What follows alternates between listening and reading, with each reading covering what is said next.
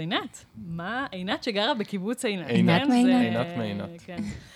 מה הדבר האחרון שלמדת? אז אה, חשבתי על זה, ואתמול הייתי עם המשפחה בתערוכה במוזיאון ישראל בירושלים. יו, אני מתה ללכת. אז אה, היינו בתערוכה שעוסקת במקורות השראה של הסופר שכתב את פיטר פן, אוקיי. והוא אמר משהו מעניין, וזה היה לי חדש. שהוא התבסס בדמות של פיטר פן, שהיא דמות נורא מנוגדת, היא גם אה, כריזמטית וגם שתלטנית וגם אה, חמודה וגם קצת אה, מסוכנת, אז הוא הסתמך על אל יווני, על אל מהמיתולוגיה היוונית. חצי אל, הוא בעצמו חצי חצי הכל. הוא גם חצי אל, חצי בן תמותה, חצי טוב, חצי רע, הוא מנגן, והוא גם אה, מתבודד, וקראו לו פן. וואלה. והוא הסתמך על הדמות הזאת כשהוא יצר את פיטר פן, והוא עצמו היה לו חיים די קשים לסופר. אח שלו מת בגיל, אה, כשהוא היה בן שש, וכנראה זה גם השפיע עליו בדמות הזאת של פיטר פן, ילד שלא גדל. אה, אז סיפור עמוק, עם. רקע... רגע, אז הצידה לאיזה גילאים אז קוראים לזה? פיטר פן. כאילו, הפ- פיטר פן זה גם שילוב של פיטר, שזה ילד אה, מתוך משפחה של פיטר פן, שג'יימס בארי הסופר בעצם טיפל בה, אימץ אוקיי. אותה. אה, ופיטר זה אחד הילדים, ופן זה הדמות של האל היווני הזה, שהוא גדול. הסתמך עליו, שהוא דמות כזאת ורסטילית, וגם וגם מלא דברים, גם כל מה שאמרנו. וגם המילה פאניקה, לא ידעתי שהיא מהאל פן. וואלה. אנשים, כשפגשו את האל, כש... ש- במיתולוגיה, מי שנתקל באל הזה, כאילו... יצר פאניקה? גדול. רגע, ולאיזה גילאים התערוכה? התערוכה, זהו, אז אה, בתערוכה יש גם פסלים כאלה יווניים של פן, וגם מלא ספרים של פיטר פן, כל מיני גרסאות וכל מיני איורים גדולים וקטעי סרטים של פיטר פן מכל הזמנים. מגניב. אז בעיקרון זה גם לילדים וגם למבוגרים, אבל זה מעניין לדעת את כל זה, מעניין. קראתי את זה האמת אה, ואתם לא כשחזרנו. יודעים, אבל יש פה מפת חשיבה שעינת יצרה על התערוכה כנראה אתמול, שזה מדהים. מדהים, זה הופך להיות כאילו ממש אה, זה. טוב, אז אה, שלום עינת. שלום, שלום. שים פתיח ונתחיל. את רינתיה, ואתה, אורן. והפודקאסט הוא פיצוחים.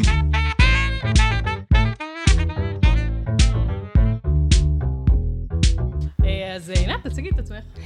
אז נעים מאוד. אה, ותודה שהזמנתם אותי, זה מאוד מחמיא וכיף. תודה שבאת. ותודה, והפודקאסט מעולה, כמו שאמרתי רבה. לכם לפני כן. אז אני עינת מעינת, רצה הגורל, ירושלמית שהתחתנה עם קיבוצניק, אז זה מה שיצא. אה, אני אימא לשלושה בנים. בנים. הם בנים, בני עוד רגע 11, עוד רגע שמונה ושלוש וחצי. כבוד. כן. כן.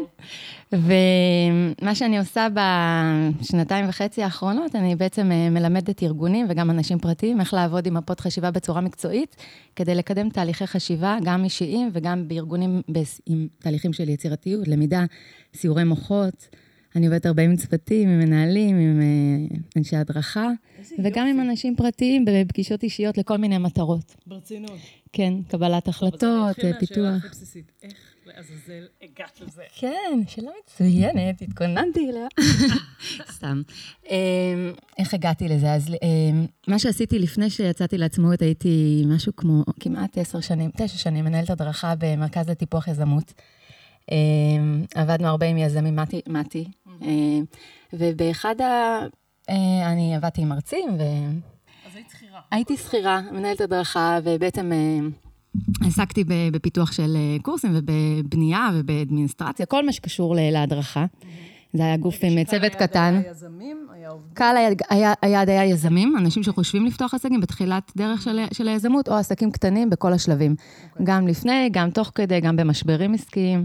רגע, זה בעצם מה שנהיה מעוף? אז אה, מעוף, הם החליפו את מתי, אוקיי. הם לשני גופים שונים. המת"ים החליטו, אה, חלק, זה, זה, זה רשת שכל גוף הוא גוף עצמאי, אוקיי. המת"ים. אה, חלק נשארו וחלק נסגרו. המת"י שאני עבדתי בו מת"י מאוד גדול שעדיין פעיל ברעננה. והוא גם מתמחה בסטארט-אפים. אה, ומעוף החליפו אותם, כי המת"ים חלק בחרו לגשת ל... זה, זה בעצם איזשהו- משהו שקשור למכרז של המדינה. עבדנו באמת הרבה שנים עם, אה, עם משרד הכלכלה, עם משרד התעסוקה, הרבה פרויקטים חברתיים, ו... והייתה הרבה פעילות. ואיך... ובאחת, ו, ומה ששאלת, זה שאחת המרצ, המרצות שעבדנו איתן, פגשתי אותה, אה, היא בעצם אה, דיברה על מפות חשיבה ככלי שיכול לעזור ליזמים בכל השלבים של אה, גיבוש הרעיון, גיב, קודם כל, בכלל לפני שיוצאים לעצ- לעצמאות, בכלל החשיבה המקדימה, גיבוש הקונספט, המודל, כל התהליכים של תכנון העסק ובכלל בכלל כל קבלת ההחלטות היזמיות, וזה ישב לי בראש כל הזמן, ו... לא, לא, לא יצא לנו לשלב את זה בהדרכות תוך כדי, אבל זה ישב לי בראש כל הזמן כמשהו נורא מעניין. היא אמרה, אז תחפשי, יש הרבה חומר ברשת, וככה גיגלתי קצת, נרשמתי... היא לא מודעת כאילו למה היא לצערי, לצערי נפטרה, קוראים לה גלית זעפרן, היא, מרצה שהתמחתה בחשיבה פורצת גבולות, היא נפטרה לפני כמה שנים.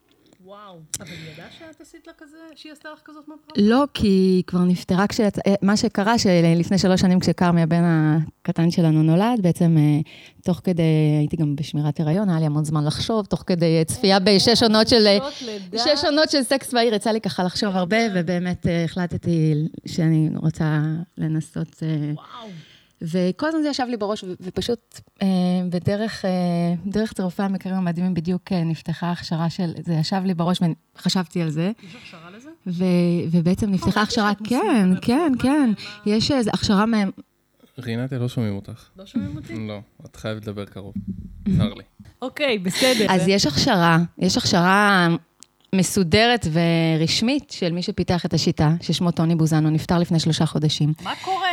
מפות, הוא נפטר, הוא היה בן 77, okay. אוקיי. זה אמנם היה עדיין בטרם עת, אבל uh, זה כלי עבודה שעובדים איתו, תכף אני אספר קצת, אבל בגדול עובדים איתו בעולם 50 שנה, זה לא כלי חדש.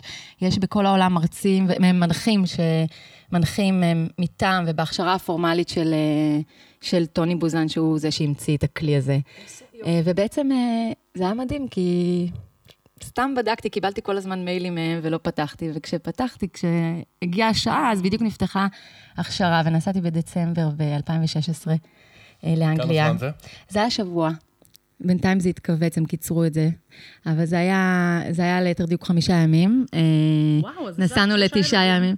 נסענו לתשעה ימים, כרמי עוד ינק, אז נסענו, אתה יני, ואתה בתפקיד הנני, מתי בא לי, וכן, תשעה ימים נסענו כבר, שילבנו את זה קצת עם לונדון. איזה יופי. וההכשרה הייתה מדהימה, כי האמת שההכשרה הייתה קצה המזלג, עיקר הדברים שלמדתי זה מלעשות את זה המון המון המון. אבל זה היה מאוד מרתק, אה, זה עסק באיך להשתמש בזה, קודם כל העקרונות של בונים מפה נכון, וגם כל השימושים בארגונים, אה, בחיים הפרטיים. חדשנות, חשיבה יצירתית. אוקיי, אז עכשיו נראה לי הגיע הזמן להסביר מה זה מפות וזה היה כיף, כי זה היה עם אנשים מכל העולם. כן, זה מדהים. מישהי מקטר, מישהו מאיראן, אה, זה היה כיף. וואו. אני חוויתי את זה השנה בכנס בלונדון, וזה ממש הייתה חוויה מהממת. מדהים. ממש. אוקיי, אז תספרי לנו מה זה מפות חשיבה. אוקיי, אז אה, מפת חשיבה היא בעצם אה, דרך ויזואלית לבטא את כל מה שיושב לנו בתוך הראש, כל סוג של אינפורמציה. זה יכול להיות מידע, נתונים אה, הכי יבשים, עובדתיים, לצד מידע רגשי, החלטות, התלבטויות, mm-hmm. רעיונות, כיווני מחשבה, כל סוג של אינפורמציה. וזה בעצם אה, דרך אחרת לכתוב מידע ולארגן מידע ולארגן תהליכי חשיבה. שהיא חלופה, אלטרנטיבה, לא במקום, בהזדמנויות שזה מתאים, שזה נכון, חלופה אחרת לכתיבה ליניארית, שזה כתיבה כמו שאנחנו התרגלנו לכתוב ומשתמשים, וזה עובד גם מעולה, כתיבה של טקסטים, של נוטים, של בולטים. שלי, לדוגמה, היא מאוד קשוחה הרבה פעמים, כי גם כבר אין לי סבלנות לגלול, גם אין לי כוח לקרוא כבר כאילו גוש של טקסט, אני, אני, העיניים שלי מאבדות את זה, הם נורא, כאילו, אני גם עם הפרעת קשב כזה, אז זה בכלל מטורף. והדיסלקציה שלי והכל. אז לי כאילו זה, זה, זה. אני אסביר רגע, אה, אנחנו נשים לכם תמונה בפודקאסט, אבל בגדול מה שבעצם אנחנו רואים זה מילה מרכזית באמצע עם עיגול סביבה, ואז יש כל מיני ענפים שיוצאים, והענפים האלה, כל ענף הוא בעצם כאילו תת נושא של אותה מילה שהיא במרכז, ואז אנחנו רואים את הענף הזה אה, בעצם מתפצל לעוד תתי ענפים. יש פה צבעים, יש פה איורים, כן, זה נורא, זה נורא נורא יפה. נראה אסתטי נורא יפה כזה. ומושך את העין, כן. לגמרי. אמ, תלמדי אותנו אחרי זה איך עושים את זה? בשמחה. עכשיו, מה שחשוב להגיד, ותמיד אני אומרת את זה בסדנאות, זה שלמרות שזה כלי לכאורה שזה... קודם כל, לפעמים התגובה שזה נראה יפה ומתלהבים, ולפעמים זה נראה הצפה. Mm-hmm. וזה תמיד צריך לזכור שכשמסתכלים על מפות שמישהו אחר עשה, זה תמיד יציף אותנו. זה שונה לגמרי כשאתה שותף לתהליך, כשאתה התחלת מאפס, אתה בוחר באיזה רמת העמקה להעמיק את התוכן של המפה. יש מפות שהן מאוד אה, תמציתיות, תמציתיות וממוקדות, ויש מפות שהן מאוד עשירות במידע. זאת אומרת שבשביל להציג נתונים לא היית ממליצה על כלי כזה. מעולה להצגת נתונים. מעולה להצגת נתונים. ורק אני אסיים את המשפט, mm-hmm. שפשוט אה, זה, לא, זה לא כלי שקשור לכישרון אמנותי, למרות שלפעמים הוא יפה, mm-hmm.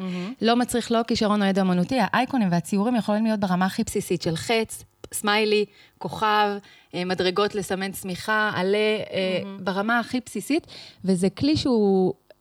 גם האייקונים הם לגמרי בשביל האפקטיביות של החשיבה ולא בשביל יופי. זאת אומרת, זה כלי שמה שחשוב בו זה הדרך, כל השאלות, המיקוד של מילות מפתח, השאלות, התובנות, ההקשרים שאנחנו פתאום מזהים, ופחות התוצר. התוצר הוא, כשזה באמת להציג ידע, אז זה יכול להיות תוצר מאוד מאוד אפקטיבי. בעצם אנחנו לוקחים רעיון, או מושג מפתח, ובעצם פורטים אותו לכל המשמעויות, אה, מפתחים אותו, זה יכול להיות כלי ליצירת ידע או להצגת ידע קיים, כלי למידה, וזה מאוד מאוד אפקטיבי, כי בעצם אנחנו לוקחים אה, לפעמים טקסט שיכול להתפרס על 30 עמודים, מתמצתים אותו לתמונה או לשלוש, למפה אחת או לשלוש מפות. והוא לא גורם להצפה אצל הצד השני? אה, כשזה להצגת ידע, כשאתה מציג בפני קהל okay. כן. אחר, אז קודם כל יש דרכים להציג את זה שזה לא יציף. זאת אומרת, אפשר להציג את זה, באמת, להכין נגיד מפה דיגיטלית okay. שהיא, אוקיי. שהיא יותר נקייה בנראות שלה, להציג את זה בחלקים בתוכנות, אפשר לסגור את הענפים ולפתוח אותם אחד-אחד. אז זה מאוד, אה, מאוד מבנה את, ה, את הגוש הזה. אני אתן רגע דוגמה כן. למשהו שהראית לנו קודם, והוא ממש עשה לי... כאילו, זה ממש מגניב, שדווקא לא יצר אצלי הצפה, ו, וזה, הראית לנו את, ה, את האסטרטגיה המחודשת של סטארבקס, בסדר? את המפת אה, חשיבה שלהם. ויש שם ממש ענפים, כאילו, נגיד אה, ענף שקוראים לו הלקוח, ואז כאילו ציטוטים שהלקוח, ממש מילים כאלה שהלקוח יגיד, למשל friendly, אוקיי? נכון.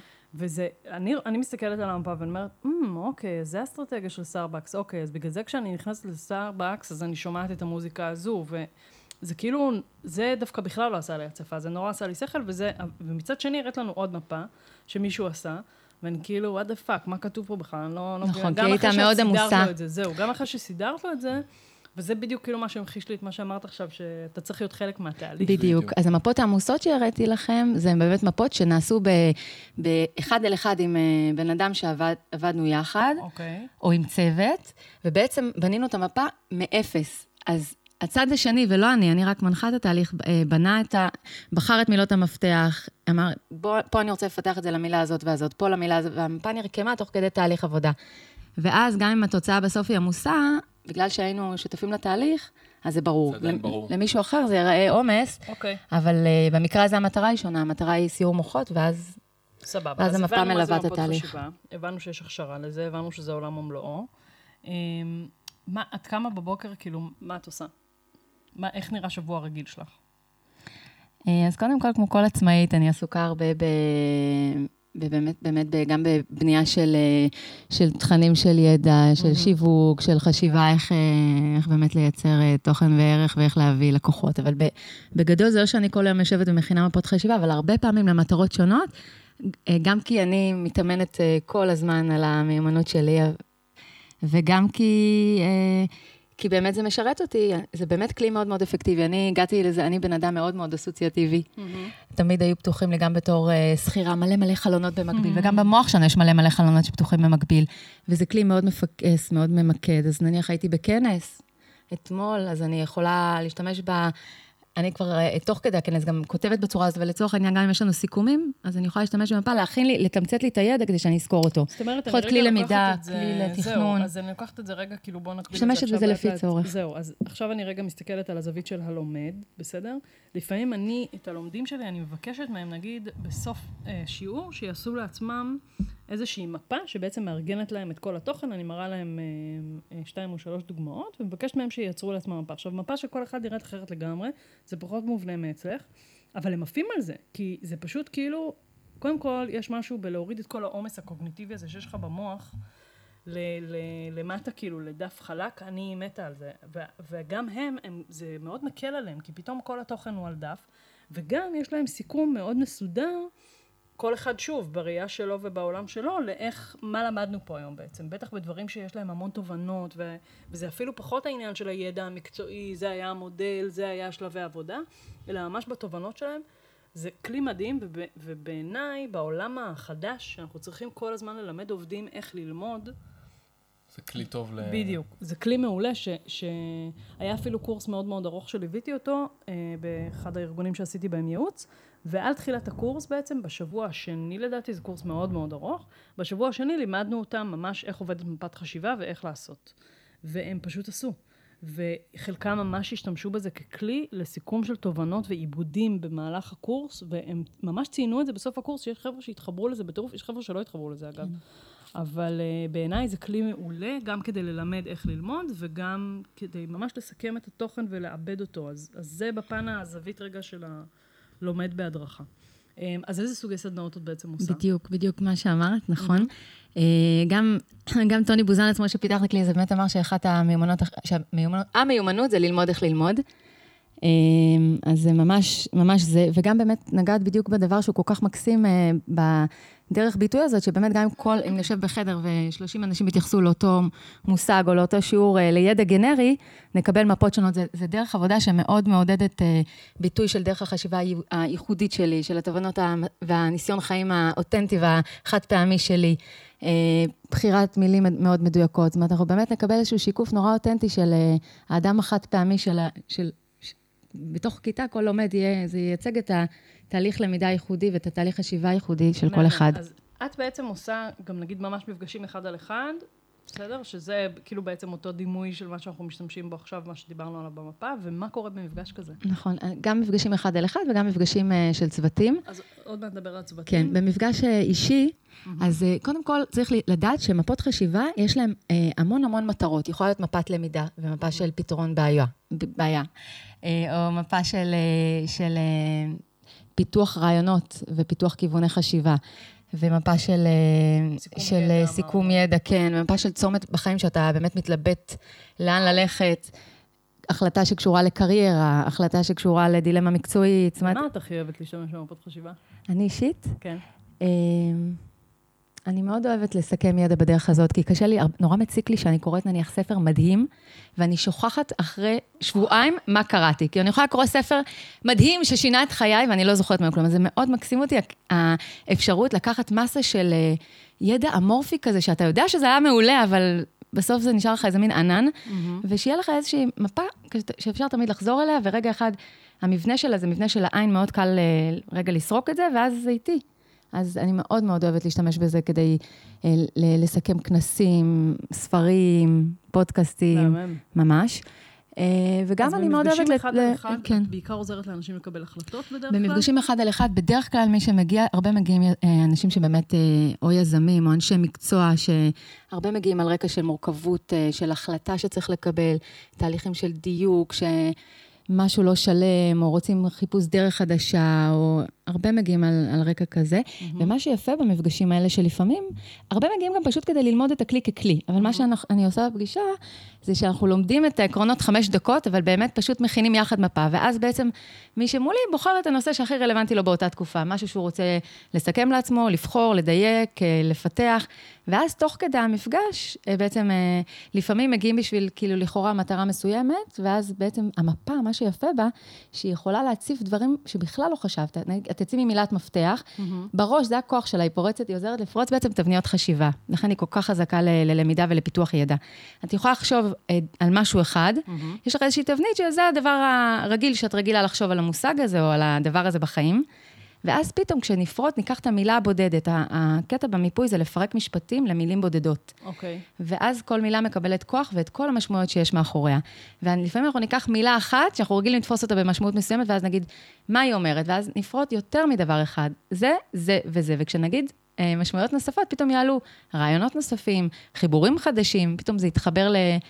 זה מאוד מאוד חזק, ואז בעצם אה, אפשר, לפעמים אנחנו חושבים שהמפה באה לפתור משהו מסוים, ופתאום עולה איזשהו משהו אחר, או... אני יכולה לתת כדוגמה שישבתי עם, אה, עם מרצה שבעצם אה, בעצם פרס את תחום הידע שלו, mm-hmm. וזה היה מאוד מאוד חזק, כי הוא אמר שבאיזשהו שלב הייתה מילה אחת בתוך כל התוכן של הידע המורכב שהוא שולט בו, זה, זה התחום שלו, הוא, זה תחום ייחודי שהוא, שהוא חוקר. בעצם הייתה מילה אחת שהוא זיהה פער ידע. פתאום אמר מילה אחת שהייתי צריך לפרט, אני לא הייתי שמה לב לזה בחיים. גדול. שהוא אמר שפה הוא הרגיש שיש לו פער של ידע, שהוא לא בדיוק יודע למה הוא מתכוון. אז גם זה עוזר לנו בלמידה לזהות פערי ידע. Mm-hmm. וגם אמר שבסוף הוא הרגיש כמו בסוף, בסוף של, זה בכלל לא הייתה המטרה של המפגש, המטרה הייתה אה, לפרוס ידע, אבל הוא הרגיש כמו בסוף טיפול... אה, אוי, גדול. אני, ואני ממש לא פסיכולוגית, וזה כן אה, נתן לו איזושהי תחושה, תחושה של אה, תרפיה, כי הוא אמר שהרבה פעמים...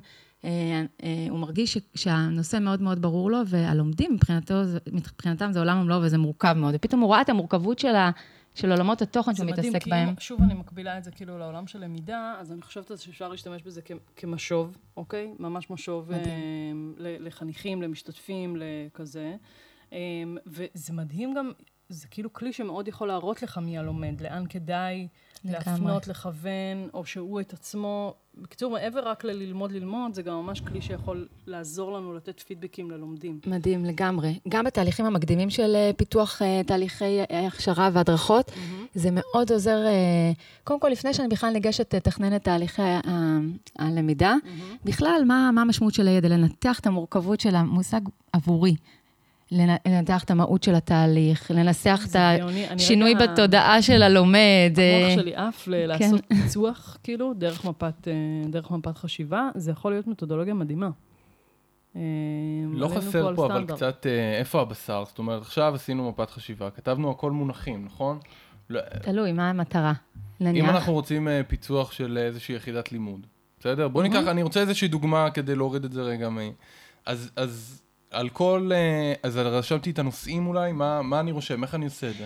קודם כל, הדבר הכי חשוב במפה, זה ממש כמו Waze וגוגל, ממש כמו מפה, מפה דרכים. Okay. אוקיי. הדבר הכי חשוב, זה, זה, זה כלי מאוד, אה, שמאוד מכוון לחשיבה תוצ, תוצאתית. Okay. אוקיי. אני גם לומדת ומתמחה בכלים של אה, אדוארד דה בונו, שהוא גם מומחה לחשיבה mm-hmm. אפקטיבית, ואחד הדברים החזקים ביותר שלמדתי, זה שבעצם אנחנו מתחילים כל תהליך חשיבה, גם אם זה תהליך חשיבה על תהליך למידה, בשאלה לאן אני רוצה להגיע, לאן אני רוצה להגיע, מה המטרה של תהליך החשיבה או למידה הזה. ואז באמת, המפה היא תמיד בסיס למשהו שקורה אחרי, או לפריסת uh, מושגים, או לפריסה של משמעויות, או לניתוח של מטרות של התהליך, או לניתוח מורכבות, או לחשיבה השוואתית. צריך קודם כל להבין מה, מה המטרה. אני מכינה מפה, נניח, לפיצוח. Mm-hmm. שאני לא אשת אה, למידה, אז אה, תצטרכי רגע. לא, יש לי רעיון הזוי שנעשה מפת אה, חשיבה לפודקאסט. יאללה, נו, אני רוצה דוגמה. אפשר? ברור, רוצים שנעשה? כן. אפשר בלייב? בוא נעשה. יאללה. הנה, יש עכשיו מחברת, אני רואה. יש, רגע. אז רגע, קודם כל, עובדים תמיד על דף חלק. רגע, אז תביא את הדברים ואז... אז מה אנחנו עושים? אז קודם כל, הדבר הראשון, זה שאנחנו בעצם צריכים להחליט מה המטרה, מה המטרה של המפה, מה אנחנו, האם אנחנו פשוט מנתחים את כל הפרקים שעשינו עד עכשיו, את הדרך, את המטרה. לא, אני הייתי רוצה שלפרק הזה הספציפי, כי עכשיו כאילו, אנחנו כבר עלו לנו כמה תובנות בראש. למשל, אני רגע עושה reverse engineering למה שהיה לפני שנייה. שדיברנו לאן, יכול, לאן זה יכול לקחת אותנו בהיבט של לומד פרטני. כן. בסדר? אז זה יכול, אמרנו, אני הייתי רוצה כאילו מעין עיבוד לכל מה שיקרה בפודקאסט תוך כדי. מדהים. ואז כאילו, דיברנו על לומד פרטני, אז אמרנו לומד פרטני זה יכול לשמש אותו ככלי ללמוד איך ללמוד, ולסכם חומר, ופידבק, וכאילו ממש לתת לו משוב דרך זה, ושהוא יעשה שיקוף לעצמו על ידע. ו... אוקיי, כאילו... כן, איך מתחילים? לא מעולה. בוא נשאל אותה. בשביל מה הבאנו את העניין? אז איך מתחילים? קודם כל, אנחנו בעצם שואלים את עצמנו, מה המטרה של המפה הזאת? מה המטרה של תהליך החשיבה שאנחנו עושים עכשיו? לאבד, על, מה, על מה אנחנו חושבים עכשיו? לאבד את הפרק שלנו, נכון? את הפרק פודקאסט הזה. לסכם את כל התובנות שיעלו לנו בפרק. אוקיי, אז אנחנו בעצם... אה, כי בסוף אני, רגע, אני אלך ממש רחוק, הייתי רוצה שאנחנו נייצר בעצם מעין ג'וב אייד כזה לאנשים, שיהיה לכולנו כאילו איך משתמשים במפות חשיבה ללמידה. מדהים. אז קודם כל אנחנו בהתחלה, אז אנחנו לא יכולים לדעת מה... זה חמודה שאת מפרגנת. אנחנו לא יכולים לדעת... אני יושבת פה והיא כולה חיוך, מדהים, מדהים, ואני מרגישה... קודם כל אני מתלהבת שאתם מתלהבים. אז אה, בגלל שאנחנו בהתחלה, mm-hmm. סיכום אפשר לעשות בסוף התהליך. אז איך אנחנו יכולים לסכם את מה שעוד לא עלה? נכון. אולי, אולי אפשר לסכם את מה שדיברנו עליו עד עכשיו, או שאפשר להשתמש בזה כדי לתכנן את מה שאנחנו עוד הולכים לדבר עליו. אוי, רעיון מעולה. אם זה לפני זה תכנון, ואם זה אחרי זה עיבוד וסיכום. אז בגלל שאנחנו עוד די בהתחלה, אה-הא. ואנחנו כבר... או שנסכם את מה שדיברנו עליו עד עכשיו. זאת אומרת, שהמרכז יהיה הלומד, אה, מפות חשיבה ללומד העצמאי. זה, אז או... נראה לי לא ללומד, אלא בכלל ללמידה ל... בארגונים. בדיוק. מעולה. אז בעצם השאלה זה איך אפשר לשלב תהליכי, אה, איך אפשר לשלב מפות חשיבה בתהליכי למידה בארגונים. כן. אז בעצם במרכז, קודם כל, אני, אני הרבה פעמים עושה בועה, וזה יכול להיות גם, ראית, נגיד, במפה של סטארבקס, הם שמו, הם ציירו, הם, הם צוות של יועצים עסקיים שהכינו את המפה, הם נורא מוכשרים ספציפית, הם, הם בחרו לשים את הכוס של... סטארבקס. זאת אומרת, אפשר לשים גם דימוי. אוקיי, אפשר או להציב את השאלה... אני רגע מה עינת עושה עכשיו, יש לנו דף חלק על הלוח, ועינת בעצם ציירה ממש בועה כזו במרכז הדף החלק. ועכשיו תנסחי את השאלה. אה, מה אמרנו? אה, איך, איך, איך משתמשים במפות חשיבה בלמידה... בתהליכי למידה בארגונים. מה השלב הבא? השלב הבא זה בעצם, אנחנו צריכים, במפות חשיבה, יש בעצם שני סוגים של ענפים. יש את הענפים הראשיים, שהם הענפים העבים, שהם, אם להגביל את זה לכתיבה הליניארית, אה, זה בעצם התת-כותרות.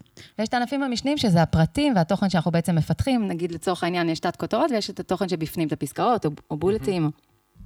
אז במפת חשיבה בעצם מה שמשנה ומה שקובע את, את המקום שנגיע אליו זה הענפים הראשיים. Okay. אוקיי. המילות מפתח שנבחר לענפים הראשיים מכתיבים תהליך חשיבה או תהליך למידה. אז עכשיו אנחנו צריכים לעשות את התהליך חשיבה. זאת אומרת שאת השאלה הזאת, את השאלה הזאת אנחנו נצטרך להחליט מה, מה יהיו הענפים הראשיים, מה יהיו מילות המפתח. ואפשר לקחת כל שאלה כזאת, אפשר ליצור מזה עשר סוגים שונים של מפות. אפשר שאתם תיתנו...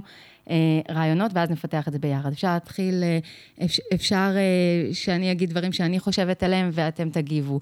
אפשר לחשוב ביחד על, על, על מטרות שונות בארגון, או מטרות למידה שונות, mm-hmm. ואיך זה יכול להשתקף. וואי, זה... אוקיי, בואי נעשה, בואי נתחיל. עכשיו, יש שתי דרכים, אפשר או להניח מראש את כל, ה, את כל הענפים. למשל, לפעמים, סתם אפשר להכין מפה אפילו להתארגנות לחופשה. אז במקרה של התארגנות לחופשה או לנסיעה, אנחנו די יודעים מה, מה יש בענפים הראשיים, זה יכול להיות... אה, אה, ציוד. תכנון, יד, ציוד. ציוד, איך מתאים לך עכשיו? ציוד. צילוגיסטיקה. בוא נדבר ציוד. נכון, כן. ולפני כן... אני כאילו חשבתי...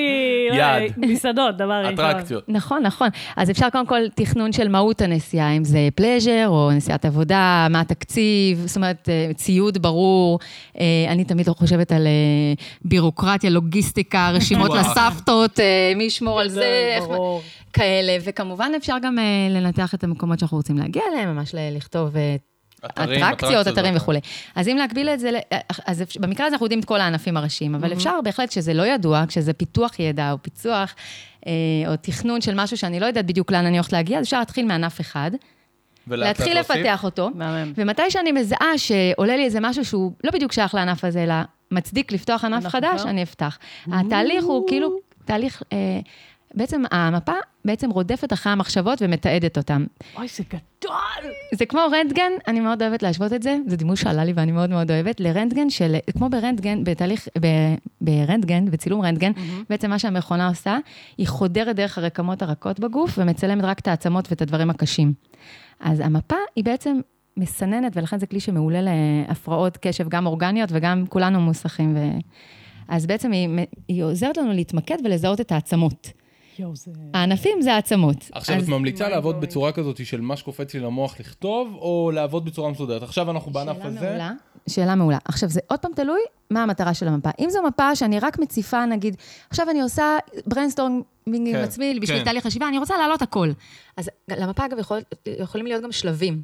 זאת אומרת, אני יכולה לעשות מפה אחת שאני פורסת הכל, מעלה הכל, הכל, הכל, הכל. מפה שנייה, אני אקח את כל מה שהיה, וגם הרבה פעמים למפות טובות, הרבה מהמפות שעשיתי, יש להם, סתם עשיתי מפה ליום הולדת 60 למדונה, בסוף, זו אחת המפות האהובות עליי, אבל היו לה איזה 15 גרסאות. כאילו, קראתי מאמרים, ואז חשבתי על דברים מסוימים, והעליתי אותם, ואז סיננתי וביטלתי חלק, ואז אמרתי, וואי, זה בעצם, זה וזה וזה יכול להיות ענף אחד שמתייחס למילה... זה קטע, אני פעם עשיתי מפת חשיבה למודל 70-20-10. הייתי, לא, לא משנה סיפור ארוך, אבל בגדול עשיתי מפת חשיבה בכלי דיגיטלי, במיינדמור, נראה לי, או משהו כזה. ו... וכאילו לקח לי זמן להבין בכלל מה הענפים. ואז אמרתי, אוקיי, יש פה היסטוריה. אז היסטוריה זה יהיה ענף שהוא בכלל לינארי. ויש עוד ענף שהוא יהיה הביקורת בכלל על המודל, וזה, וענף, ש... ו... וזה היה, וואו, זה, מעבר לקטע הדיגיטלי שלא אהבתי כל כך להתעסק בו, אבל ה... הכאילו חשיבה על איך בכלל לגשת למודל כזה ולחקור אותו, וזה ליווה לי פשוט את כל, זה בעצם היה לי בסוף הדף המסכם, אפשר לשים את הלינק לזה בפודקאסט למטה. יש את זה בפאדלט? לא, זה, במה, זה בכלי אחר. אה, שהוא ממש ממש כלי טוב, הוא כאילו ממש מגניב, אתה יכול לשים שם לינקים וסרטונים, כן, וכמו כן. שעינת אומרת, כאילו לסגור ענפים מסוימים ולפתוח אותם, אבל זה הצפה, זה כאילו, מי שרואה את זה בפעם הראשונה הוא קצת בשוק. אבל כשאתה מתחיל להתנתב בפנים, אז אתה מבין מה, מה אתה רואה. אפשר להמשיך עם המפה כן, שלנו? כן, אז, אז בדיוק. אז אנחנו קודם כל צריכים להחליט בעצם איך, איך יהיו הענפים הראשיים. אז כמו שאמרנו, אפשר או להתחיל עם ענף אחד ולזרום איתו, או להגדיר למשל שאנחנו רוצים אה, לחלק את זה לפי, עכשיו, כדאי שהענפים הראשיים יהיו גג שבעה. אוקיי. כדי שלא ליצור, זה מצמצם את ההשפה, את ההצפה. כן, כן, כן, כן, אנחנו קופצים. אחלה, אז הלומד זה היה זה. הלומד. הלומד. כאילו, אה, אמרת להגדיר מילה, אז כאילו אני רגע חושבת על ה... כאילו המגע הישיר עם הלומד, אני לא יודעת איך לקרוא לזה, אבל זה כאילו משהו שהוא נורא... לעומת, אה, מה את רואה שהוא בענפים האחרים? נגיד, אה, אני יכולה להשתמש בזה כקבוצה, יש לי כאילו את כל משהו מול הלומדים, או עם הלומדים. נכון. שאלה טובה מה ששאלת, עכשיו הבנתי מה ששאלת גם.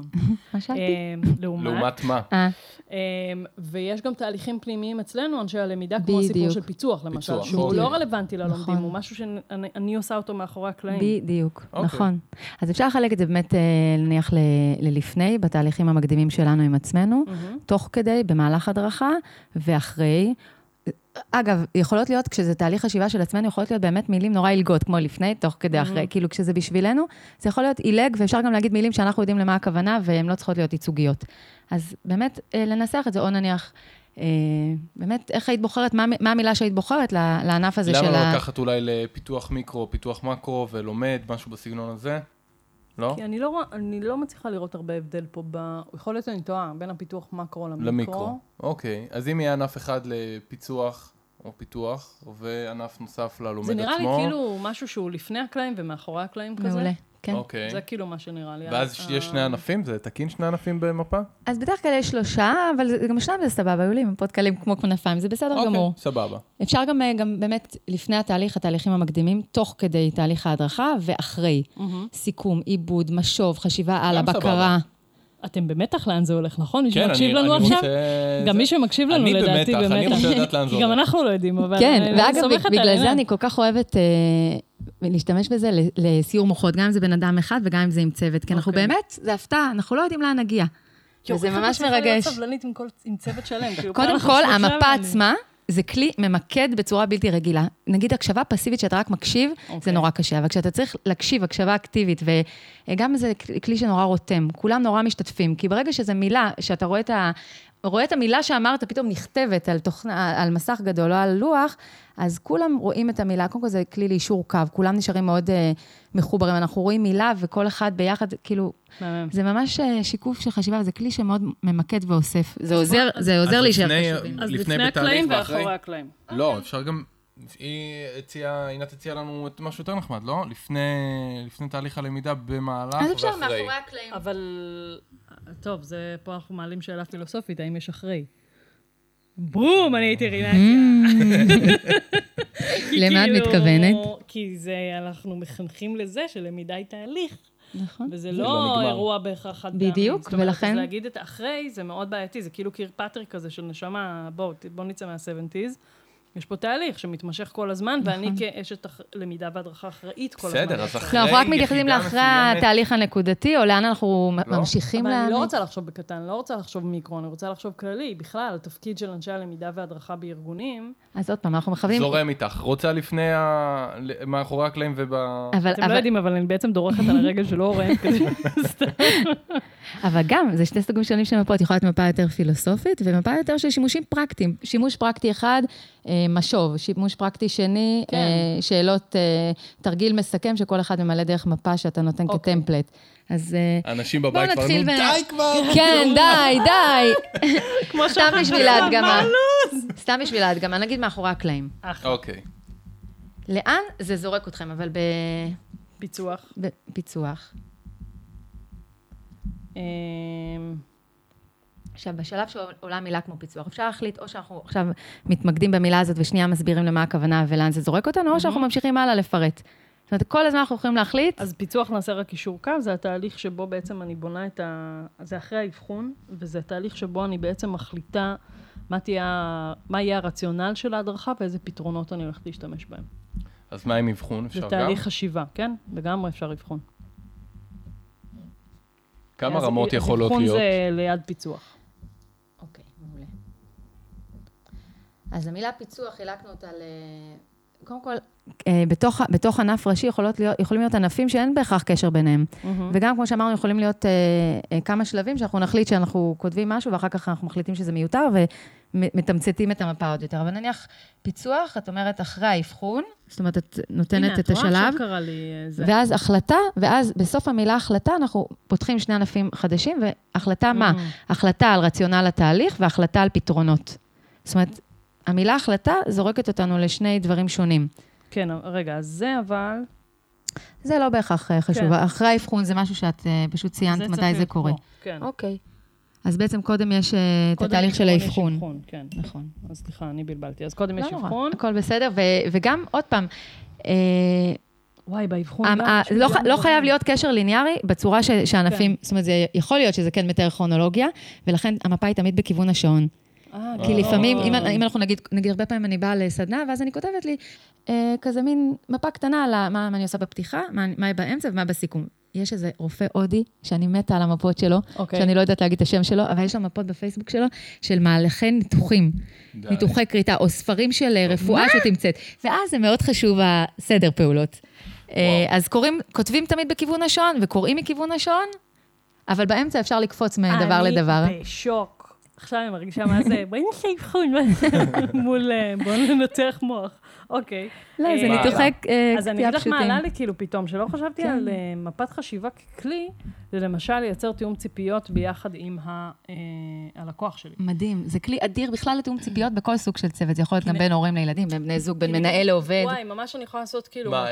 מפת חשיבה של כן. רגע, מה המצב הרצוי, לאן אנחנו רוצים להגיע, ובואו נכוון את המילים האלה של המצב הרצוי. של מה יקרה אחרי אחרי ה- התהליך זה. של ההדרכה, בסדר? ומה המצב המצוי, מה קורה היום בפועל, תן לי מילים שממש ממחישות את זה למשל. אמ, ומאיפה בא הפער, בסדר? האם הפער בא ממקום של מיומנויות, ידע, תפיסה וכזה? כאילו, וואו, זה יכול להיות אה, ממש כלי מטורף לאבחון. עכשיו, אני, אני רגע, וואי, אני אוכלת לכם את הראש, אבל זה כאילו, המוח שלי פה עף. אמ, זה שאני יכולה לעשות את זה פעם אחת עם הלקוח שלי בעצם, עם מי שכאילו במרכאות מזמין את העבודה, ופעם שנייה אני יכולה לעשות את זה בעצם עם הקהל שאותו אני הולכת להדריך, ולשבת איתו כשאני עושה את האבחון, וגם איתו לעשות את זה. ואחר כך כשיש לי השוואה בין מפות, זה כאילו אבחון מטורף. נכון, נכון. וואו, אני מצפה עכשיו לחייות כפיים שם, מי שיושב באוטו, מטגן שניצלים, וואו! נכון. אה, אני כן. כזה מרגישה שהמוח שלי אוקיי. נכון, זה כלי מעולה לתיאום ציפיות, לאישור קו, ל... גם להציף אי הסכמות, נגיד כשזה נגיד אה, בתהליך למידה, אז, אה, או בתהליך של סיור מוחות אה, בצוות, זה כלי אדיר לה, להציף אי הסכמות, כי אנחנו צריכים לבחור מילה, ואז אפשר להתווכח עליה. הרבה פעמים קורה שמעלים איזה מילה, לא, אני ממש לא מסכימה, זה ממש לא מדויק, לא, לא, לא. כמו הסיפור של הגדרת מטרות ב- בתהליך באמת של בניית הדרכה, ואז ממש יש ויכוח, כאילו, על איזה פועל אני אשתמש, איזה מילה, איך בדיוק, בדיוק. אני אנסח את המטרה. בדיוק. וזה דרך ויזואלית מאוד מאוד חזקה. מאוד מאוד, להראות וגם אמרת ממש אה, דבר ממש מדויק, כי לפעמים בצורה שאנחנו מנסחים אפילו את השאלת מפתח, יש הבדל אם אנחנו מוסיפים לפעמים פועל. למשל, היה לי איזשהו אה, אה, סיור מוחות עם אה, איזשהו ארגון ביטחוני, והמטרה שלהם, היחידה גדלה ב-30 אחוז. עכשיו רצו לעשות סיור מוחות, איך אנחנו בעצם אה, מרחיבים את הפעילות בהתאם. ובעצם בהתחלה הם, אה, כתבנו, שהם אמרו שהמטרה זה אה, יכולות מקצועיות, שזה קצת כללי. ואז ברגע ש, שהוספנו את הפועל הרחבת היכולות המקצועיות, אז פתאום מה זה הרחבת היכולות המקצועיות? זה הרחבת הכשרות והרחבת כלים שהם עובדים איתם. מהמם. והרחבת אה, שותפים, שותפי קיצור, אה, הניסוח ידע. מאוד קובע. זאת אומרת, לפעמים, ממש. אבל אה, כן. אני חושבת שיותר מהניסוח זה הדיון על הניסוח. כי נכון. אז כאילו אתה... עולים כל הדברים, וזה. כבר, כבר מאוד מאוד אה, ממקד, אה, לרתום את כולם לאיזשהו תהליך אה, חשיבה, תהליך למידה שהוא נורא מדויק, וזה מאוד רותם. אוקיי, מגניב. אז היה לנו אבחון. אז אמרנו, בינתיים כתוב כאן אבחון, שאת אבחון עוד לא, עוד לא אז אפשר פירטנו. לעשות פה, ממש אפשר לפרק את זה למצב רצוי. אה, ל- אז זה צריך להיכנס לפה. אוקיי, בסדר, וגם יש אוקיי. סוגים שונים של אבחונים, אמרת, נכון? אז יש לי, כאילו, אני יכולה לעשות את זה מול הלקוח. אני יכולה לעשות את זה מול, ה... אמרנו מול הקהל יעד שלי בעצם. אני יכולה לעשות את זה עם ממשקים. אה, אני אפילו יכולה לעשות תמונת ראי של האבחון, בעצם כאילו את, ה... את המפת ממצאים בדרך כלל, שאנחנו עושים, פתאום אני קוראת לה הכל מפה, כן? כן. אבל את הסיכום ממצאים שאנחנו עושים לאבחון, אז לגמרי אפשר לעשות את זה ב... ב... ואז זה באמת מוביל אותי לפיצוח, כי אז אני רואה מה צועק לי כאילו מהאבחון הזה.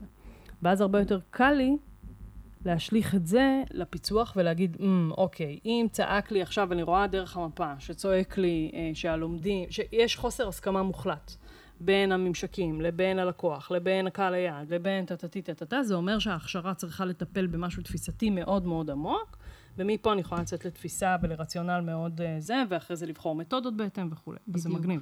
כן. אוקיי, אחלה.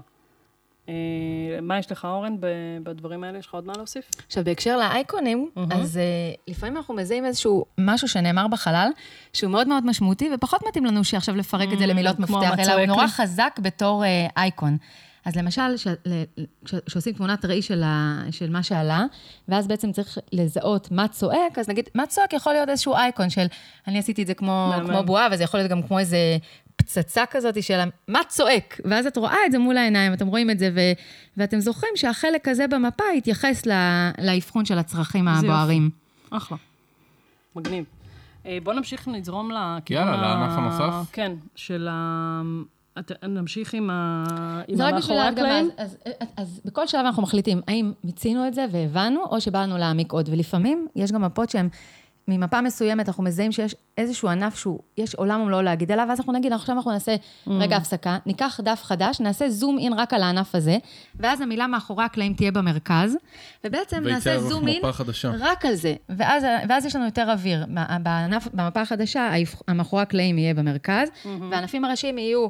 אה, אבחון, אה, כן. תיאום ציפיות ופיתוח. אז רגע, יש לי עוד... אה, ואם יש עוד דברים, אז עוד ענף למאחורי הקלעים, שהוא... זה כל הסיפור של... טוב, זה עכשיו ממש תוכלו לי את זה, אבל אפקטיביות בלמידה. מדהים. של הסיפור של, כאילו, אני רגע מנסה לחשוב, בוא נחשוב ביחד, אני רוצה להציג אפקטיביות, או לבחון אפקטיביות של תהליך הדרכה. מדהים. אז משהו שמאוד מאוד חשוב, עיקרון שהוא מאוד מאוד בסיסי, זה העיקרון של מילה אחת על כל ענף. אם okay. אנחנו אוקיי. כותבים, נגיד, אפקטיביות בלמידה, mm-hmm. יש הבדל בין אם אנחנו כותבים אפקטיביות בלמידה ככה, mm-hmm. נגיד זה המרכז, או שאנחנו כותבים אפקטיביות, ואז עושים שבר קטן בענף, mm-hmm. וכותבים בלמידה ככה. ברגע שאנחנו רואים מילה יושבת לבד על הענף שלה, אז זה זורק אותנו לכל המשמעות של המילה אפקטיביות. אפקטיביות בלמידה, ואולי גם אפקטיביות בתהליכי עבודה, בביצוע. בתכנון. כל ה... כל, האם יש עוד דברים, או בכלל, mm. מה זה אפקטיביות? כל המשמעות של אפקטיביות. וואי, זו דוגמה ממש טובה. ענת, ענת עשתה פה עכשיו ענף אחד ישר, שכאילו עליו כתוב שני המילים בצמוד אפקטיביות בלמידה, וענף אחד שכתוב עליו אפקטיביות, וממנו יוצא עוד ענף שכתוב בלמידה. ואז זה גורם לך להסתכל אחרת לגמרי על הסיפור הזה, כי אני יכולה להגיד, אוקיי, אפקטיביות בלמידה, עכשיו אני רגע במונחים מקצועיים הארדקור. אז אפשר להגיד שזה אוטומטית לוקח אותנו לקירק פטריק במרכאות, לרמה אחת ורמה שתיים, ואז זה אומר שאני בודקת את השביעות רצון, ואני בודקת... אה, אה, אני בודקת את, את הסימולציות שלהם ואת המבחנים ובלה בלה בלה. אה, שוב אני אגיד בהערת סוגריים, זה לא מוכח מחקרית על ההשפעה של זה לאחר כך, אז כאילו פחות תשקיעו בדברים האלה, כבר אמרנו את זה כמה פעמים בעבר, אני אגיד את זה שוב. ואז זה אפקטיביות נגיד של למידה, רמה אחת, רמה שתיים. אבל אם אני לוקחת את זה לאפקטיביות באמת בעולם של uh, ביצועים, אז זה עולם אחר לגמרי. בדיוק. אפשר להשוות את זה לכף יד, תארו לכם שיש לנו כף יד שאין מפרקים. אז הכף יד, אי אפשר לעשות שום תנועה, זה נעול. אנחנו תקועים על איזושהי מיומנות אחת שאולי אפשר אה, לנקות mm-hmm. חלונות, או... אבל ברגע שיש מפרקים, זה ממש דומה למבנה של מפה שכל מילה יושבת על ענף לחוד. זה פותח לנו עולם שלם של... איזה אנלוגיות, כפרה עלייך, מדהים. זה לא אנלוגיה שלי. אבל זה ממש עושה לי שכל. כן, האנלוגיה הזאת היא ספציפית לא שלי, של טוני בוזן. הרנטגן דווקא שלי. אה, אבל אה, כן, זה ממש כמו יד, כף יד. המילה, ברגע שיש, והרבה פעמים אנשים שבאמת מה שחשוב... זה להבין את העקרונות המקצועיים שהם כאילו קטנוניים, אבל הם מה שהופכים מפת חשיבה לאפקטיבית. כי הרבה פעמים עושים אה, ענף שהמילים יושבות בתור משפט. וברגע mm-hmm. שאנחנו מפרקים את זה למילה, מילה, מילה, ועושים שבר קטן בענף ורואים את המילה לבד על הענף, אז זה פותח את כל, ה, את כל עולמות המשמעויות ואת כל התובנות ואת המסקנות, ואז באמת זה יכול לפרוץ לנו תהליכי חשיבה. אחלה. אז עכשיו אפשר אולי לעשות את הצד השני. נראה לי הבנו את ה... מעולה. אז אז הצד השני אמרנו שהוא לפני הקלעים, שהוא בעצם, אני, תגידו לי אתם איך כאילו זה, אני כאילו רואה פה שני ענפים, אחד זה של פרטני מול לומד, מה שדיברנו עליו כבר קודם, והדבר השני זה אולי ב... כאילו בקבוצה. אוקיי. אמ, כאילו שמה, שאת מציגה אולי?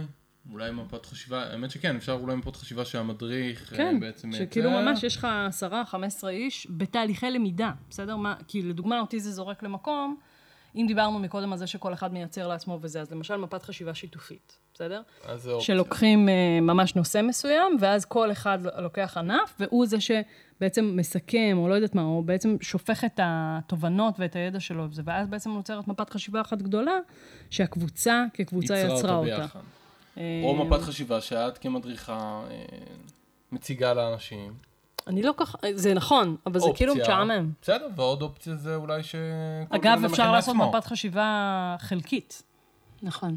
כאילו חסרה אילמת כזאת. שכן, שכאילו אני אשים רק uh, את המילות מפתח נגיד, או את הענפים הגדולים. והשאר יצטרכו uh, בעצם להציג את זה. עינת פתאום קמה. בסדר, אז מה, מה יש? אנחנו בספונטניות. היא חוזרת, היא חוזרת. יש כרטיסייה! כן, לא, סתם, זו נגיד דוגמה של מודל אה, תכנון פרויקט. אז אוקיי. כל המרכיבים בתכנון פרויקט. אז אפשר באמת לשים איזשהו, להניח את הענפים הראשיים, ואז שבעצם זה משמש כאיזשהו שלד. אה, אחר כך שכל אחד יכול להמשיך את הדברים ש... על הפרויקט שלו? כן, נניח יש ענף שקוראים לו חוסר ודאות. אוי, מדהים. מה בלתי ידוע לי, ומה יכול להשתבש. ואז זה משמש כטמפלט, אה, פשוט דרך אחרת, במקום לשים, אה, לתת את התרגיל בתור דף עבודה, אתה נותן את זה כמפה, ואז אפשר לפתח. את יכולה לעשות מזה גם... בום, עף לי המוח. כי עכשיו אני יכולה בעצם, כשאני מלמדת למשל פיצוח, בסדר, או מלמדת אבחון, אז אני יכולה לייצר מראש מפה כזאת. כאילו זה, ואז הם יצטרכו למלא את המפה נכון, על עצמם. זה גם יותר קל כשבאמת, אה, אם זו סדנה של מיפוי חשיבה, שבעצם בעצם, אה, אני מתחילה, או מי שמעביר, מתחיל מללמד רגע את הטכניקה, זה, זה שפה, mm-hmm. אז אתה מלמד. אבל אם לא ממש שולטים בדקויות, אז אפשר להניח באמת איזשהו טמפלט ראשוני, ורק להסביר את העיקרון שמקצה הענף, אנחנו בעצם מפצלים, ואז בעצם, אה, עכשיו, נגיד... יש פה עוד כן. משהו מטורף, כי בעצם אני מקנה לאנשים איזושהי יכולת... לא יכולת, סליחה, אני, אני מקנה להם דרך להסתכל על נושא מסוים, כאילו אני יוצרת להם את התבנית בראש. Mm-hmm. כי עכשיו, לדוגמה, לקחתי ניהול פרויקטים ואני שמה את הזה, אז זה ברור שזה הענפים, אין פה עכשיו... אה, והלימוד פה הוא, הוא כל כך הרבה יותר מהיר, ואני כאילו אוטומטית כבר לוקח את זה לאזורים שלי ולמקומות שלי, זה, זה ממש מדהים. זה כשאת רוצה באמת ללמד מודל מסוים, mm-hmm. או שיש לך איזשהו מתווה חשיבה שאת רוצה עכשיו רק... משהו יחסית מובנה. לא עכשיו מפתחים על זה סיור מוחות על איך אפשר uh, לתכנן פרויקט, אלא, אוקיי, זה השלד, זה התהליך עבודה, אבל תתפרעו בתוך זה, זה חופש בתוך uh, זהו, מסגרת. זהו, אבל הסיור מוחות יכול להיות נגיד על הפרויקט שלי. ואז אני נכנסת לזה, ואני אומרת, אוקיי, רגע, מה, אני בלתי יודע, זה, זה, בדיוק, אוקיי, זה... בדיוק, הפיתוח. מגניב ממש. זה. אוקיי. יופי, אז רגע... אה, ואמרת משהו נכון, שבאמת חלק, אה, אה, באמת מתודה מעולה, זה באמת ליצור ביחד מפות, אני עושה את זה הרבה פעמים לוחות מחיקים. ואז אפשר לעשות את זה גם אפילו, שכל אחד מקבל את הלוח, מכניס את הנושא המרכזי, ואז אני עושה את זה הרבה פעמים שזה עובר ב...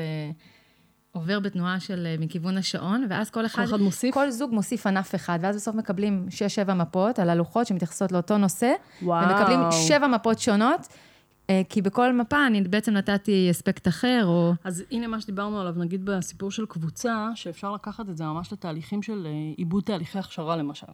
בסדר? ואז אני יכולה ממש כאילו לעשות את התרגיל הזה, כתרגיל מסכם להכשרה, לקורס, לסדנה, לא משנה מה, שאנחנו כקבוצה מאבדים את כל מה שהיה לנו פה בסדנה. אה, גם מבחינה כאילו מקצועית יבשה, וגם מבחינת עיבוד של mm-hmm. מה אני לוקח מפה. לגמרי. אה, וואו, זה ממש כלי חזק יכול לגמרי, להיות. לגמרי, ואפשר גם מפה לגמרי מאפס, זאת אומרת שאת, ש, שזה לא עושים את זה בצורה mm-hmm. משותפת ומעבירים את זה בין כל המליאה, אלא שבאמת כל צוות או כל קבוצה יושבת ובונה מאפס, זה באמת, גם חלק מהעניין של לבחור מה הענפים הראשיים, אתה בעצם כבר מזקק. בגלל שאי אפשר לשים מיליון ענפים, זה שאת צריכה לבחור בין חמישה לשבעה ענפים, את צריכה לבחור מה, מה באמת הנושא החשוב, אמ-הממ. מה ענף משני, מה ענף ראשי.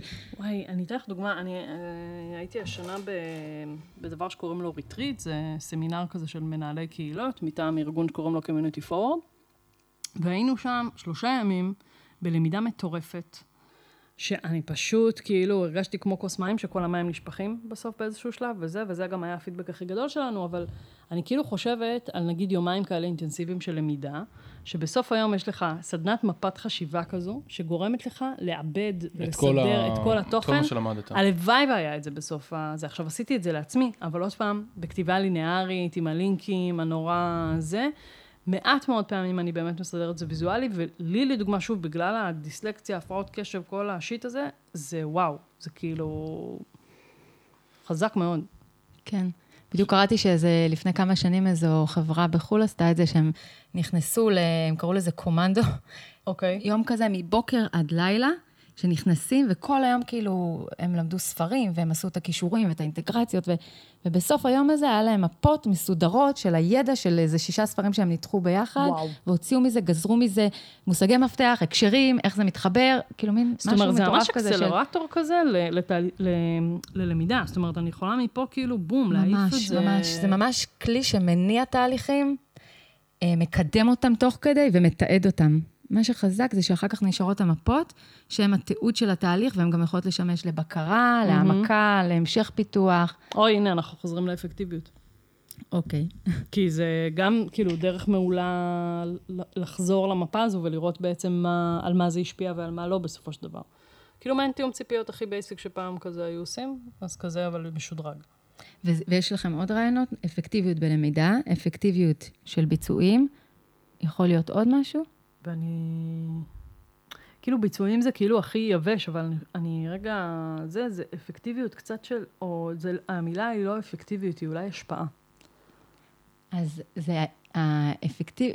באיזה, באיזה, באיזה רמה באמת הגעתי להשפיע? עד כמה התהליך היה אפקטיבי במושגים של השפעה. נכון. זאת אומרת, אפקטיביות... אה, אני חושבת, כאילו, אני מסתכלת על זה רגע אפילו בעניין זהו, של השפעה אפילו אישית. זאת אומרת, אני עשיתי תהליך למידה, ויצרתי לעצמי את המפת למידה הזו. בוא עכשיו אני אאמת אותך במרכאות עם המפת למידה הזו, עוד כמה, או מפת לא משנה מה שלך, תוך כמה זמן, ובוא עכשיו תגיד מה באמת מבחינתך יצר בסופו של דבר השפעה, מה לא. זאת אומרת, זה מעין כאילו back to the future כזה.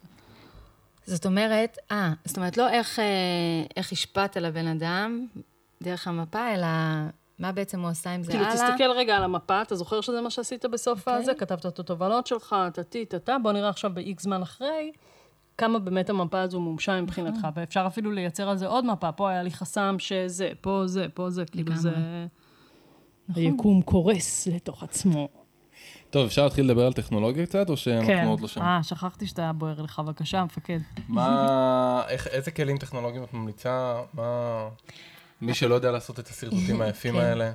אז קודם כל, מפה ידנית יש לה את הערך שלה, גם כשאתה עושה, יש מפות אפקטיביות בטירוף שהן מכוערות, כתב חרטומים, הכל בלאגן, ציורים, אבל הן עדיין נורא אפקטיביות, כי הידני, יש בזה משהו נורא נגיש, זה כלי זמין. Mm-hmm. אני מאוד אוהבת לעבוד בעט, דווקא לא עיפרון, כי זה מנטרל שיפוטיות. זה שאני רואה שמחקתי כאן, אני מבינה שכאילו היה פה משהו שאחר כך התחרטתי.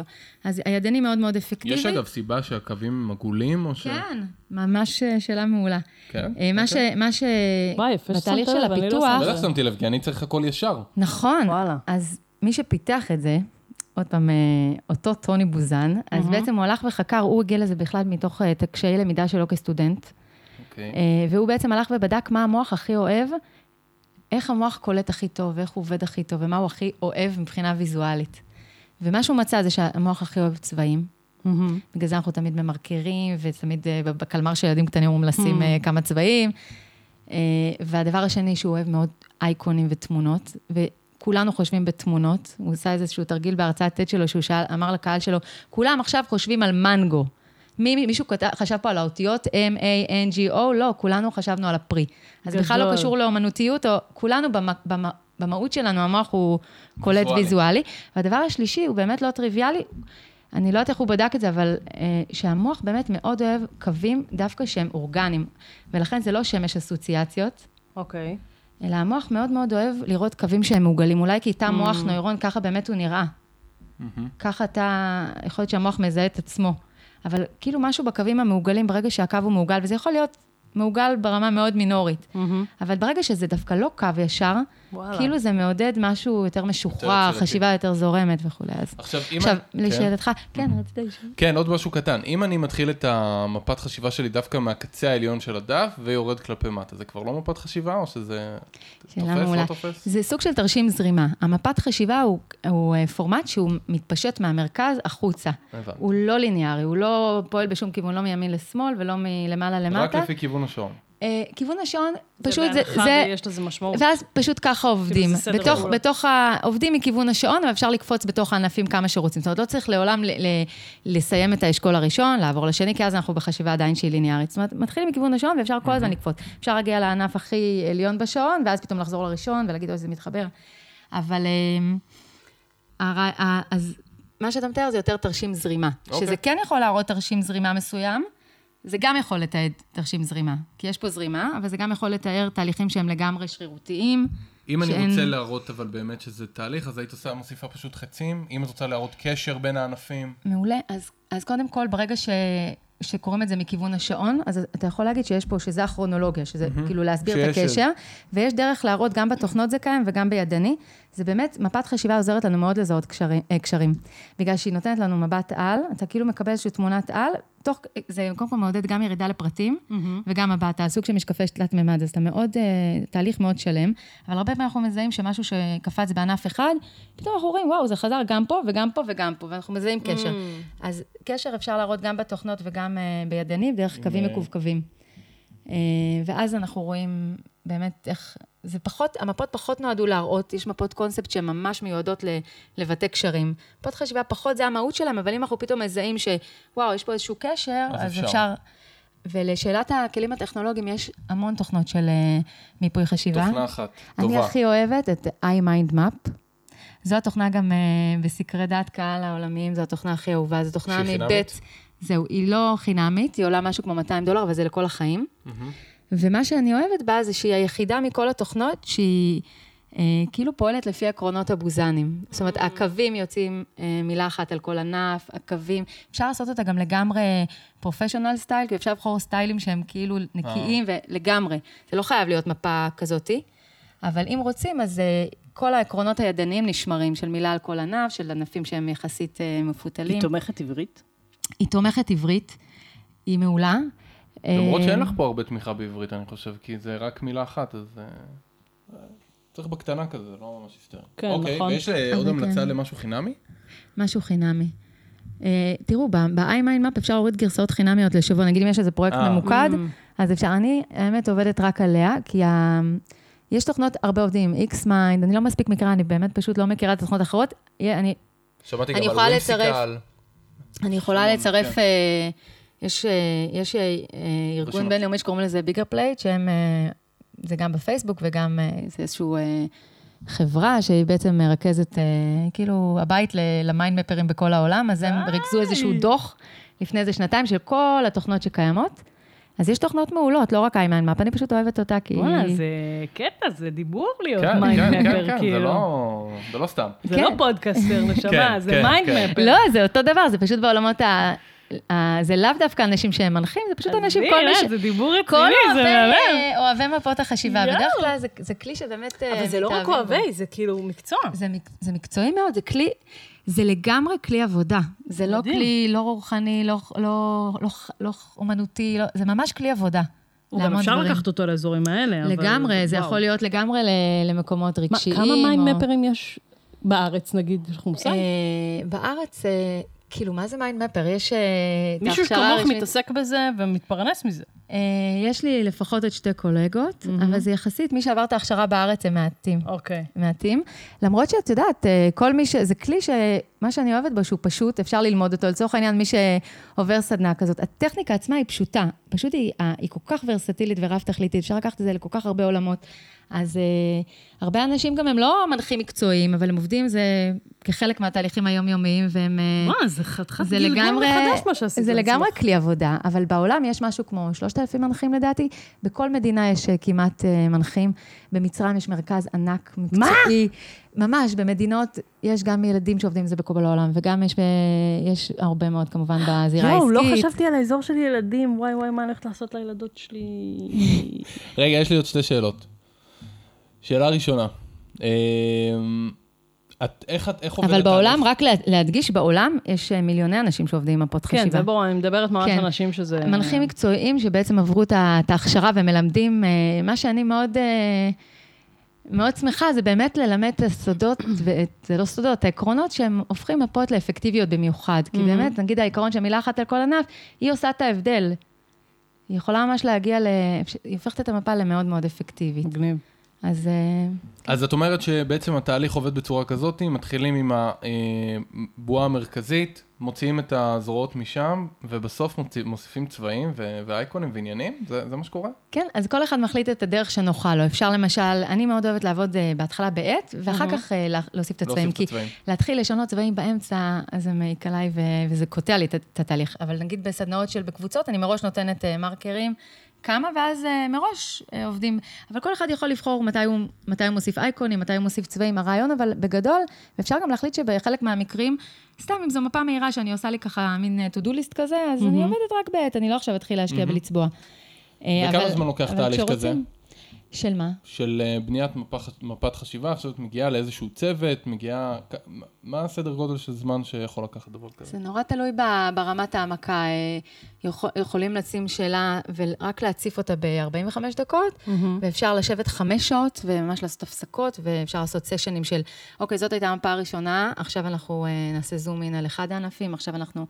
Uh, וזה יכול להיות גם תהליך תהליכי של... Uh, כמה מפגשים. של מפגש ראשון אני עושה מיפוי של החוזקות והערכים וה... כאילו ממש ללוות תהליך כן, אה, ארגוני כן. עמוק. ומפה שנייה אני מאבחנת פרסונות שאנחנו עובדים איתן, ולקוחות וקהלים. וואלה, גם אני... את כל העולם של דיזיין כן. תינקינג, אתה כן. יכול... וואו. זאת אומרת, אפשר ממש לעשות תהליך, להשתמש בזה כדי למפות כל מה שאנחנו רוצים, ולפתח כל מה שאנחנו רוצים, וללמוד ביחד, ולקבל החלטות ביחד. יש לי תחושה של ידידות מופלאה, של התחלה של ידידות מופלאה, אני... זה ממש מגניב. רינת יושבת פה עם היד על הראש, לא יודעת מה לעשות עם עצמה. לא, כי זה כאילו המוח שלי ל-80 אלף מקומות הולך. זה תעשי כאילו... לך מפת חשיבה ותתחיל לרשום את הדברים. קדימה. ובאמת, הרבה פעמים שואלים אותי, כאילו, מה, זה, כאילו, זה כאילו לכאורה נראה נורא משהו כלי, כלי נישתי כזה. אבל באמת זה, זה כלי שהוא מכל להמון המון המון סוגים של אינפורמציה ותהליכים ומטרות. עשית השפעה עם הילדים בעצם שלך? בעצם כל, הרבה פעמים אני, אה, תראו, אה, ילדים, קודם כל זה מתאים רק מגיל, אה, כדאי, לא, לא עם ילדים צעירים מדי, אלא מגיל כתיבה. Mm-hmm. כן, ללא, פחות ללמידה, כי אצלנו כן, בקיבוץ עוד אין מבחנים וכאלה וזה לא, אבל... גם אצלנו בפתח תקווה. סתם, למשל, עשינו, אני זוכרת... בבית ספר של הבת שלי אין מבחנים ואין שיעורי בית. זה, זה אגב כלי מעולה ללמידה למבחן, mm-hmm. אבל סתם יצא למשל ש... אוי, גדול. פעם עשיתי את זה עם הילד שלי, שהוא, שהוא חזר מאיזה משחק כדורגל, והוא אמר, וואי, כאילו, כל הילדים לא נחמדים, אני רוצה לפרוש, הכל. ואז עשינו מפה הכי פשוטה בעולם. לקחנו את העשרה ילדים בקבוצה, למרות שמותר רק שבעה ענפים, אבל לקחנו עשרה, ואז שמנו את השמות. זה לא נחמד, וליד זה עשינו אייקון סמיילי או, או פה עצוב, ואז הוא ראה שמתוך עשרה ילדים, שניים הם בעצם לא נחמדים. כאילו, זה הוויזואליה של... של כן. הקבוצה. יואו! ואז אוקיי, אז אם היה עוגה עכשיו, שמתוך כל העוגה שתי פרוסות מקולקלות, עוגת שוקולד מדהימה, היית זורק את כל העוגה או מוציא רק את החתיכות? וכאילו, זה הוויזואלית של, כאילו, פשוט להמחיש משהו. אה, וואו. פעם הוא אמר שנמאס לו כבר מארוחות צהריים המשעממות, ומה הוא היה רוצה? עשינו מפה, שאז הוא אמר, אני רוצה יום אחד, אה, בא לי ארוחה כזאת של, הוא מת על הסנדוויצ'ים המוכנים שמוכרים בעלונית, המגעילים האלה. כאילו, זה מה שהוא רוצה, אז שמנו את זה על הענף. כאילו, שמתי הכל. ואז אפשר להתחיל להתדיין על זה, אוקיי, זה אולי פעם בחודש, כאילו, זה יכול להיות בסיס ל... כאילו עכשיו, אה, בתכלס, כאילו, הילדים באוגוסט, אז הילדים בבית וכזה, וכאילו, כל היום אנחנו עסוקים באוכל, ואוכל, ואוכל, ואוכל. אז זה מעולה כאילו לעשות מפת אוכל, וכאילו כל יום לבחור... אה, בדיוק, פעם השתתפתי בבלוג של אה, מיכל מנור, בלוג שקוראים לו רע העולם, שהוא מתמקד בטיולים. ואז היא רצתה שאני אתן דוגמה איך אפשר להשתמש בזה, נגיד, לחופשה. אז עשינו מפה היפותטית, זו הייתה מפה נורא מכאיבה, ממש. כי הייתה היפותטית. על נניח שאנחנו נוסעים עכשיו לפריז, ואז כל אחד, כל אחד מהמשפחה היה ענף. מה אתה רוצה? אז uh, אוריה, נגיד, היה רוצה להיות באיצטדיון סן ג'רמן, היה רוצה, uh, לא יודעת, להיות בנים. במוזיאון כזה, לאכול ככה. כאילו, כל אחד אומר, אני הייתי רוצה להיות בלובר, להתנשק על הגשר, uh, לראות שקיעה והקטן היה רוצה לנסוע ברכבת, לנסוע באווירון, ואז אפשר להחליט שכאילו, זה כמו, בדיוק כמו תיאום ציפיות, כאילו, אנחנו שמים מפה, אוקיי, זה כולנו, ועכשיו נחליט שבכל יום עושים משהו אחד מ... וואי, אפשר להשתמש בזה לסשנים של תפיסת תפקיד, למשל. לגמרי, לתפיסת תפקיד זה אדיר. אני יכולה להגיד שפעם... גם, עוד פעם, זה יכול להציף ולהראות, ממש לשקף דברים, נגיד היה איזשהו סשן באיזשהו ארגון שבעצם אה, עשו לוחות של תפיסת תפקיד. Mm-hmm. והמנהל היה שם נוכח, וזה תפקיד שדורש המון המון אה, תיאומים ולוגיסטיקה ופיתוח, והמון דברים שקשורים להדרכה, אבל... ואז המנהל היה שם ואמר, היי, אין ענף פיתוח. ואז אמרו, אין זמן לפיתוח. כאילו, אנחנו רק מתעסקות בלוגיסטיקה, אין לנו זמן לפיתוח. אז זה הציף, ועכשיו...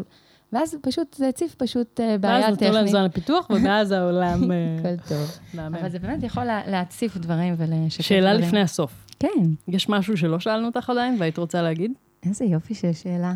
אמ, יש שאלה שאני עכשיו מעלה אתר חדש, אז כתבתי, כתבתי איזשהו, אה, וגם לכבוד הכנס, שלנו. Mm, נכון, עינת הולכת להרצות בכנס הדרכה בלמידה. אז כתבתי באמת איזשהו טקסט על אם זה כלי כל כך לא חדש, 50 שנה, כלי שהוא ותיק, ו... אז מה, איך הוא רלוונטי?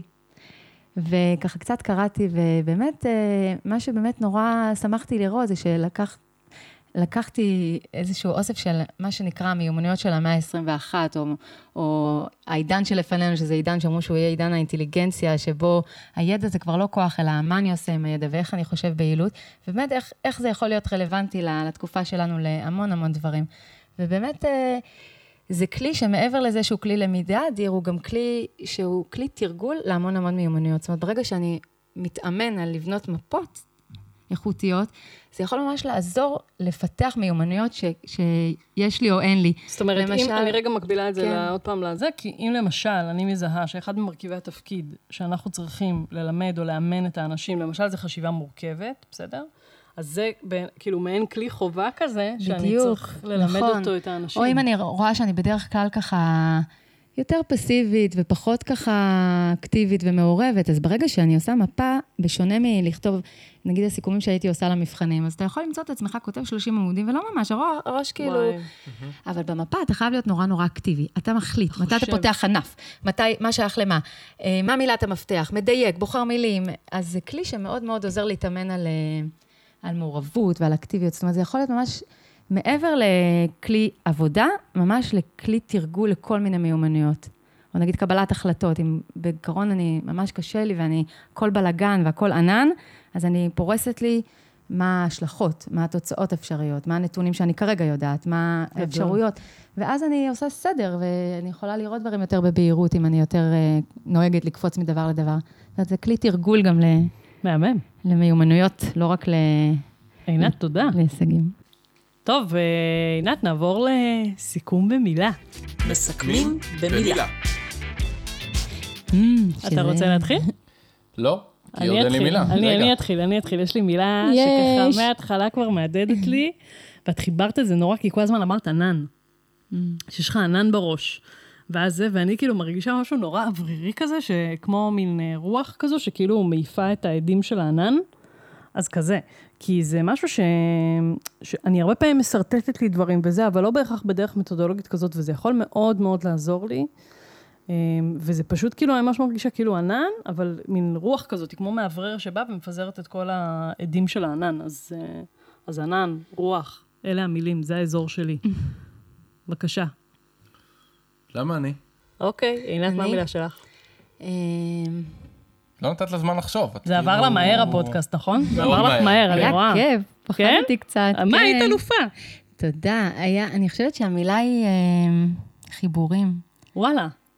אה, גם כי דיברנו על כל מיני דברים שקשורים לחיבורים שאתם מוצאים, וגם כי אתם, mm. היה לי כיף איתכם, ודרך המפה באמת אה, יצרנו חיבור בין עולמות של למידה לעולמות של, של תוכן אחרים. אז... אה, מגניב. וגם חיבורים, באמת, אני מרגישה שזה באמת איזושהי דרך לייצר אה, חיבור. יפה מאוד. כאילו בפרק הקודם דיברנו עם חוליו על שילוביות, וזה גם קצת אה, מתקשר לי, השילוביות, נכון. כאילו שילוביות של, אה, של הכלי הזה בכלים אחרים, איך לקחת את זה ולהשתמש בו. את תקשיבי אחרי זה לפרק ואת תראי, זה... נכון, אה, יפה נכון? החיבור שעשית. מגניב. יש ממש עם שילוביות. אוקיי, מעניין. עינת, תודה רבה. תודה רבה. היה לנו לעונג. תודה רבה, לי היה לעונג. היה לי כיף, אתם נהדרים. כי זה mind map, הבנת? מעולה. ביי. תודה, ביי.